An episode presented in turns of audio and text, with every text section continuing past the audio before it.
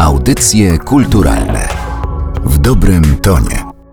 Przy mikrofonie Aleksandra Galant rozpoczynamy audycje kulturalne. Dziś będą one na pograniczu między kulturą a podróżami. Chociaż wydaje mi się, że te granice bardzo trudno jest postawić, bo przecież nie ma podróży, w trakcie których nie odkrywamy jakiejś kultury. Tym razem będziemy mówić o kulturze ogromnej, którą pewnie bardzo trudno jest nawet w ten sposób sklasyfikować, bo w Muzeum Azji i Pacyfiku w Warszawie po niemal 50 latach istnienia udaje się otworzyć, otwiera się pierwsza pierwsza wystawa stała, nazywa się Podróże na Wschód i właśnie o tej wystawie będę mówiła z dyrektor Muzeum Azji i Pacyfiku, dr Joanną Wasilewską. Bardzo mi miło, że mam tę możliwość. Pytań jest tak dużo, że nawet -hmm. trudno mi jest zdecydować od czego zacząć, ale może zacznę od tego, że ta wystawa stała, która pojawia się w Muzeum na warszawskim Solcu, to jest wystawa niezwykle obszerna, zarówno powierzchniowo, ale też jeżeli chodzi o eksponaty i kraje kultury, których dotyka. Nazywamy tę wystawę nazwaliśmy ją Podróżami na Wschód. Nie tylko dlatego, że widz y, ma taką trochę wirtualną podróż, kiedy będzie wchodził w tę przestrzeń, ale też, że ona powstała w wyniku podróży. Podróży wielu osób, przede wszystkim Polaków i Polek, bo to z polskich kolekcji w większości te rzeczy pochodzą. Nie tylko założyciela, który w największym stopniu przyczynił się swoimi podróżami do stworzenia kolekcji muzeum, ale że są to ślady podróży wielu, wielu osób, które z różnych powodów, w różnych okolicznościach odwiedzały kraje Azji i Oceanii i z powrotem przywoziły najróżniejsze przedmioty, które różny, w różnych okolicznościach do muzeum trafiły. Więc są to również podróże ludzi i podróże rzeczy. Pani powiedziała o kulturze my mówimy zawsze o kulturach. Pamiętajmy, że Azja jest pojęciem po pierwsze stworzonym w Europie, a po drugie kontynentem już w takim stricte geograficznym sensie niezwykle rozległym i że same Indie swoją różnorodnością kulturową Europie dorównują. Więc mówimy o naprawdę zupełnie innych przestrzeniach i fizycznych i kulturowych niż te, w których my tutaj na co dzień żyjemy. Rzeczywiście ta wystawa, którą otwieramy teraz, Podróże na Wschód, Część pierwsza obejmuje bardzo różne obszary i bardzo różne w związku z tym kręgi kulturowe, aczkolwiek pamiętać należy, że w dzisiejszym świecie w, od kilku dekad coraz bardziej zglobalizowanym, to wszystko się zmienia, wszystko się zmniejsza i te dystanse też się zmniejszają. Niemniej jednak my mamy nadzieję pokazać pewną różnorodność miejsc różnych na świecie, nie negując faktu, że wszyscy podlegamy podobnym przemianom. I pierwsza część naszej galerii zaczyna się najbliżej Europy, czyli w krajach zwanych tradycyjnie Bliskim Wschodem. Dziś używa się raczej sformułowania Azja Południowo-Zachodnia, który jest bardziej neutralny i zarazem szersze geograficznie. Zaczynamy więc naszą opowieść opowieść od najstarszych cywilizacji, które w tym rejonie świata powstały wiele tysięcy lat temu. I tutaj myślę, że jest dla każdego pewną ciekawostką, ile lat ma najstarszy eksponat na wystawie. No więc teraz mamy XXI wiek tej ery, a ta sumeryjska cegła z inskrypcją klinową pochodzi z XXI wieku przed naszą erą.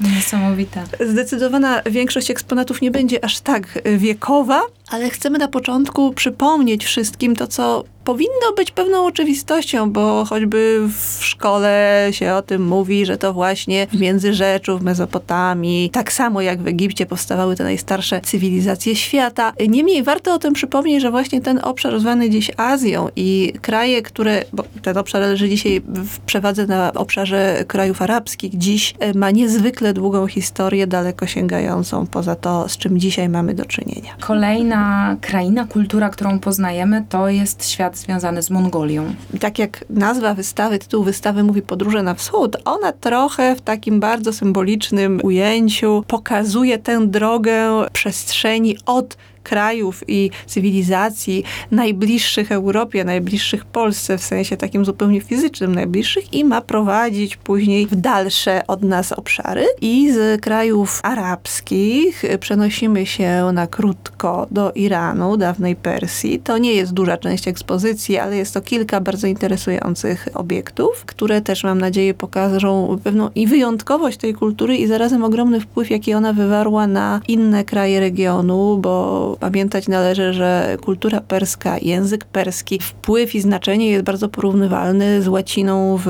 Europie, tak jak ona przez długie wieki funkcjonowała i kulturą śródziemnomorską. Tak więc za Iranem ekspozycja będzie mówić o kulturach Azji Centralnej i w tym także Afganistanu, który bywa do tej części włączany. No, to jest kraj, jak wiadomo, z ogromnym historycznym pechem i kojarzący się w tej chwili z bardzo tragicznymi wydarzeniami ostatniego czasu. One jakby bezpośrednio nie znajdą na wystawie swojego odzwierciedlenia, ale chcemy przypomnieć e, trochę historii tego kraju, jego szalonego bogactwa kulturowego. Jest to kraj od wielu wieków muzułmański, ale to, co się tam dzieje teraz w postaci skrajnego fundamentalizmu, ma w gruncie rzeczy bardzo mało wspólnego z tradycjami tego kraju, też bardzo różnorodnymi. I ta fundamentalistyczna urawniłowka, którą teraz wprowadzają talibowie, również jest sprzeczna, no właśnie, z samą historią i jakby naturą Afganistanu jako kraju bardzo zróżnicowanego etnicznie i kulturowo. To są również kraje Azji Centralnej, z Uzbekistanu, z Turkmenistanu i innych krajów tego regionu. Zbiory będą mówić o pewnych tradycjach, które tam i istniały i nadal istnieją, aczkolwiek w tej części zagłębiamy się też tak trochę w taką nieodległą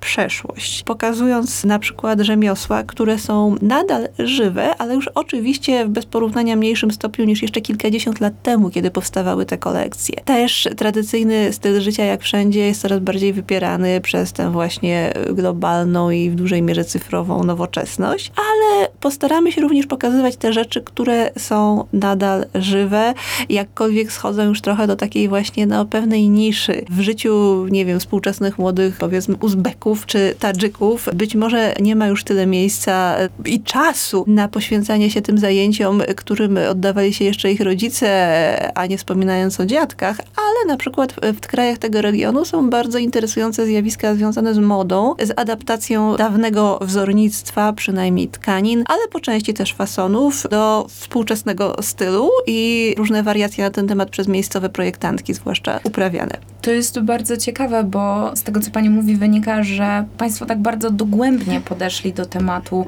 kultury. No, moda, jeżeli chodzi o Uzbekistan, o Uzbeków, to nie jest coś, co przychodzi jako pierwsze na myśl. Nie jest. Oczywiście znaczna część tych informacji pojawi się w warstwie multimedialnej. Wystawa 500 metrów kwadratowych brzmi dumnie, ale to nie jest bardzo dużo, a poza tym moje długoletnie doświadczenie mówi, że nie ma takiej przestrzeni, którą muzealny kurator nazwałby dużą. Nie ma, ona jest zawsze za mała. W związku z powyższym też jest to wystawa gęsta, z tego też powodu zachęcam, chociaż wiem, że nie wszyscy są fanami takiej estetyki, ale zobaczyć tam będzie można naprawdę wiele przedmiotów pochodzących z różnych miejsc i różnego czasu, z których duża część nigdy jeszcze nie była wystawiana. A te, które były, to tylko na wystawach czasowych, y, nierzadko dawno, także będą na pewno nowością i ciekawością. Ale tak, staramy się uwzględniać różne wątki kulturowe w różnych galeriach tej ekspozycji. Będzie poruszana kwestia adaptacji dawnych tkanin do współczesności, albo kwestia tradycyjnych sportów wywodzących się y, z regionów azjatyckich, a tak jak na przykład gra w polo, która jest obecnie głównie rozrywką brytyjskiej arystokracji, taką już bardzo staromodną, ale właśnie bardzo dystyngowaną, wywodzi się właśnie z rejonów wpływów perskich w centralnej Azji.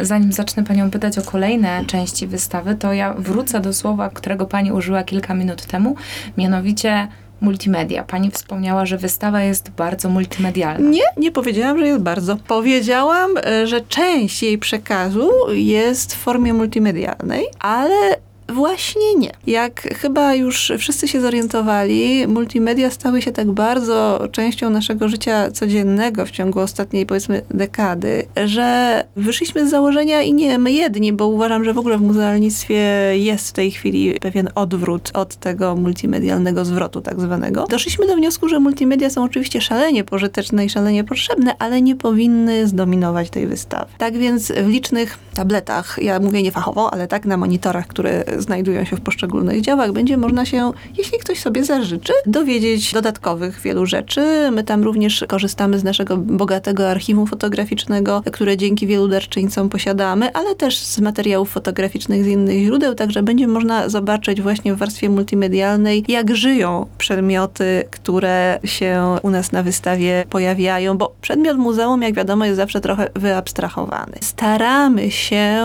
dać pewne wyobrażenie, zobaczymy, jak właśnie odbiorą to widzowie, pewne wyobrażenie o jego funkcjonowaniu. Ja nie uważam, to są takie oczywiście od bardzo dawna, już od, od prawie od 100 lat powracają takie krytyczne głosy, że muzeum to taki cmentarz, że to takie zasuszone Takie wszystko. gablotki, chodzenie w kapciach.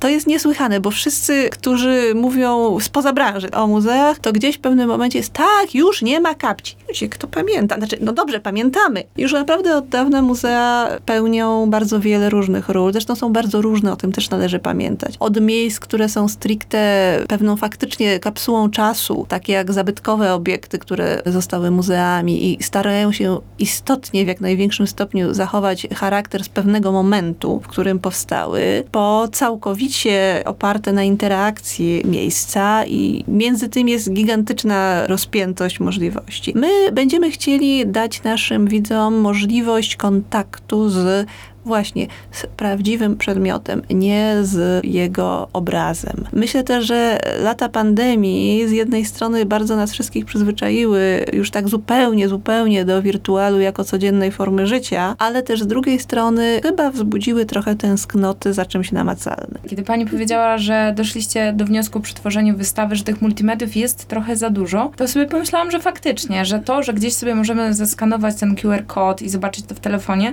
jest świetne, ale z drugiej strony możliwość zrobienia przerwy od telefonu też jest chyba ogromną wartością. No mamy taką nadzieję, chociaż no nie mam też przesadnych złudzeń. Mamy też nadzieję na to, że ludzie będą sobie robić zdjęcia na naszej wystawie i publikować je w socialach, tak? To jest y, zupełnie osobna sprawa i liczymy na to, bo to świadczy również o zaangażowaniu widza w ekspozycję. Ale namawiamy do tego, żeby jednak patrzeć na rzeczy nie tylko przez ekran, ale również własnymi oczami, bo rzeczy są śladami po ludziach. Ja w tej chwili już nie wspominam o muzeach przyrodniczych, które dokumentują resztę całą naszego świata, ale nasze muzeum jest skupione na działalności ludzkiej, na tworach kultury ludzkiej. I z tej racji zawsze jak się patrzy na tą rzecz, warto pamiętać, że ktoś ją zrobił w jakimś celu, komuś służyła, bo większość chyba tych rzeczy faktycznie miała swoje życie, zanim do nas trafiła, była w użyciu. Oczywiście niektóre to też są dzieła czy produkty po to zrobione, żeby od razu jakby wejść na rynek, traktowane jako towar. To też oczywiście nie udawajmy, że tak nie jest. Niemniej jednak nawet w takich przypadkach jest jakaś interakcja, jest twórca, jest osoba, która za tym stoi i o tym wszystkim warto pamiętać, o tym, że to gdzieś było w jakiejś tkance życia i to, że ono jest w muzeum, to coś, to nie znaczy, że ono nie żyje. To jest inny rodzaj tkanki. Muzea tworzą inną rzeczywistość. Zganiła mnie pani trochę za odwołanie się do tego starego stereotypu muzeów, ale mimo wszystko zaryzykuję odwołanie się do tego, co być może pamiętam z dzieciństwa raz jeszcze i A. zapytam, czy w muzeum będzie sobie można jakichś eksponatów dotknąć. Powiem w ten sposób. Jeszcze nie. Ale pracujemy nad tym, żeby to się w przyszłości stało. Tutaj właśnie może warto rozróżnić, ponieważ to, co jest tak zwanymi w świetle prawa muzealiami, powinno zostać zachowane w jak najlepszym stanie na jak najdłuższy czas, jako trwały element dziedzictwa i te rzeczy tak czy inaczej nie podlegają raczej bezpośredniemu kontaktowi dotykowemu. My też raczej w większości w rękawiczkach się obchodzimy, co jest zresztą, nawiasem mówiąc, takie trochę zabawne, bo takie są zasady i, i ja pracuję od 30 lat w branży, więc nie będę ich negować, ale jest to tyle zabawne, że taki przedmiot, który trafia do nas czasami wprost z czyichś rąk, niekoniecznie wcale w bardzo dobrym stanie, który albo został, nie wiem, przez kogoś skądś przywieziony, albo jest pamiątką po dziadku, albo stał u kogoś na półce i się kurzył. W momencie, kiedy wchodzi do zbioru, podlega konserwacji, podlega innemu traktowaniu. To jest metamorfoza przedmiotu i to jest, to jest bardzo ciekawe. Na takiej wielkiej konferencji Muzea XXI wieku, która miała miejsce w Poznaniu, była taka właśnie bardzo mm, interesująca scena, był koncert towarzyszący temu wydarzeniu i z tej okazji oddano do dyspozycji skrzypka autentyczne skrzypce Henryka Wieniawskiego. więc XIX-wieczne, poświadczona spuścizna po bardzo sławnym e, muzyku. To jakby tylko w jednym utworze te skrzypce wystąpiły, ale w każdym razie muzealnik, który je przyniósł, bo one są normalnie na ekspozycji, tak? który je wyjął z gabloty, który je przyniósł tak dalej, e, występował w rękawiczkach. Oczywiście skrzypek nie będzie grał w rękawiczkach. On z ogromnym szacunkiem naturalnie podchodził do instrumentu i to dla niego też było świetnym doświadczeniem, że może na tym historycznym instrumencie grać, ale musiał je traktować tak jak skrzypce coś, czym się pracuje. To jest w ogóle ciekawy temat, to co z tymi rzeczami się dzieje, jak się muzealizują, że tak powiem. Ale tak, mamy w planach jakieś rozszerzenie oferty, które będzie pozwalało na szerszy zasięg doznań niż wzrokowe i słuchowe. Wydaje mi się, że temat, który teraz chciałabym poruszyć, być może można mu poświęcić osobną rozmowę, ale wydaje mi się, że warto porozmawiać o Indonezji, o Indonezji, którą będzie można odkryć w Muzeum Azji i Pacyfiku. No i tutaj nie sposób nie wspomnieć postaci pana Andrzeja Wawrzyniaka, wieloletniego dyrektora Muzeum Azji i Pacyfiku w Warszawie, wielkiego miłośnika Indonezji, chyba człowieka, który na temat tej kultury wiedział wszystko, albo prawie wszystko.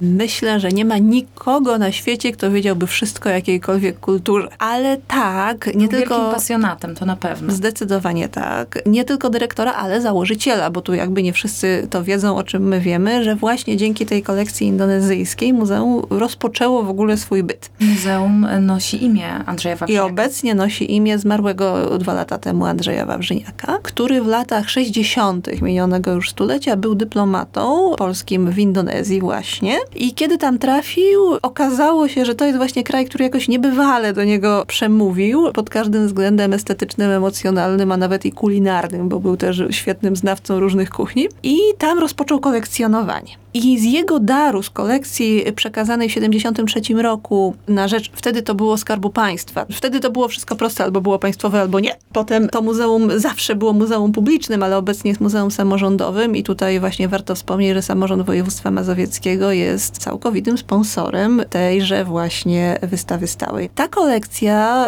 jak na owe czasy, kolekcja prywatna potężna, bo liczyła około 4000 przedmiotów, bardzo różnego charakteru. Dzisiaj z nową ciekawością jakby patrzymy na nią na zasadzie, co wybierał kolekcjoner w owych czasach, co go interesowało, co go pociągało. Później była rozszerzana i przez niego samego, i przez różne darowizny, które do muzeum wpływały i dalej wpływają, zakupy również. Także to, co teraz na tej galerii indonezyjskiej będzie można zobaczyć, to nie jest już tylko, oczywiście ona stanowi rdzeń, ta kolekcja założycielska, ale można zobaczyć będzie również inne rzeczy, również odnoszące się do dzisiejszej Indonezji w tych jej bardziej tradycyjnych aspektach, na przykład bardzo piękny kostium tancerki z wyspy Bali jest absolutnie współczesnym, tym, który jest dzisiaj używany. Jest to sztuka jak najbardziej uprawiana, traktowana jak najbardziej poważnie. Jest wiele artystek, które performują w tej dziedzinie. To jeżeli jesteśmy przy tancerce, czyli Mhm. jesteśmy blisko muzyki, to ja zapytam o tę część muzeum, mianowicie o kulturę muzyczną Azji, bo to też jest e, fragment wystawy stałej, prawda? Bo to od 2016 w muzeum można oglądać strefę dźwięków. Strefa dźwięków ma już 6 lat, to zresztą niesłychane jak czas leci, bo wydaje się, że jest ciągle nową wystawą. Zdobyła wtedy kilka nawet nagród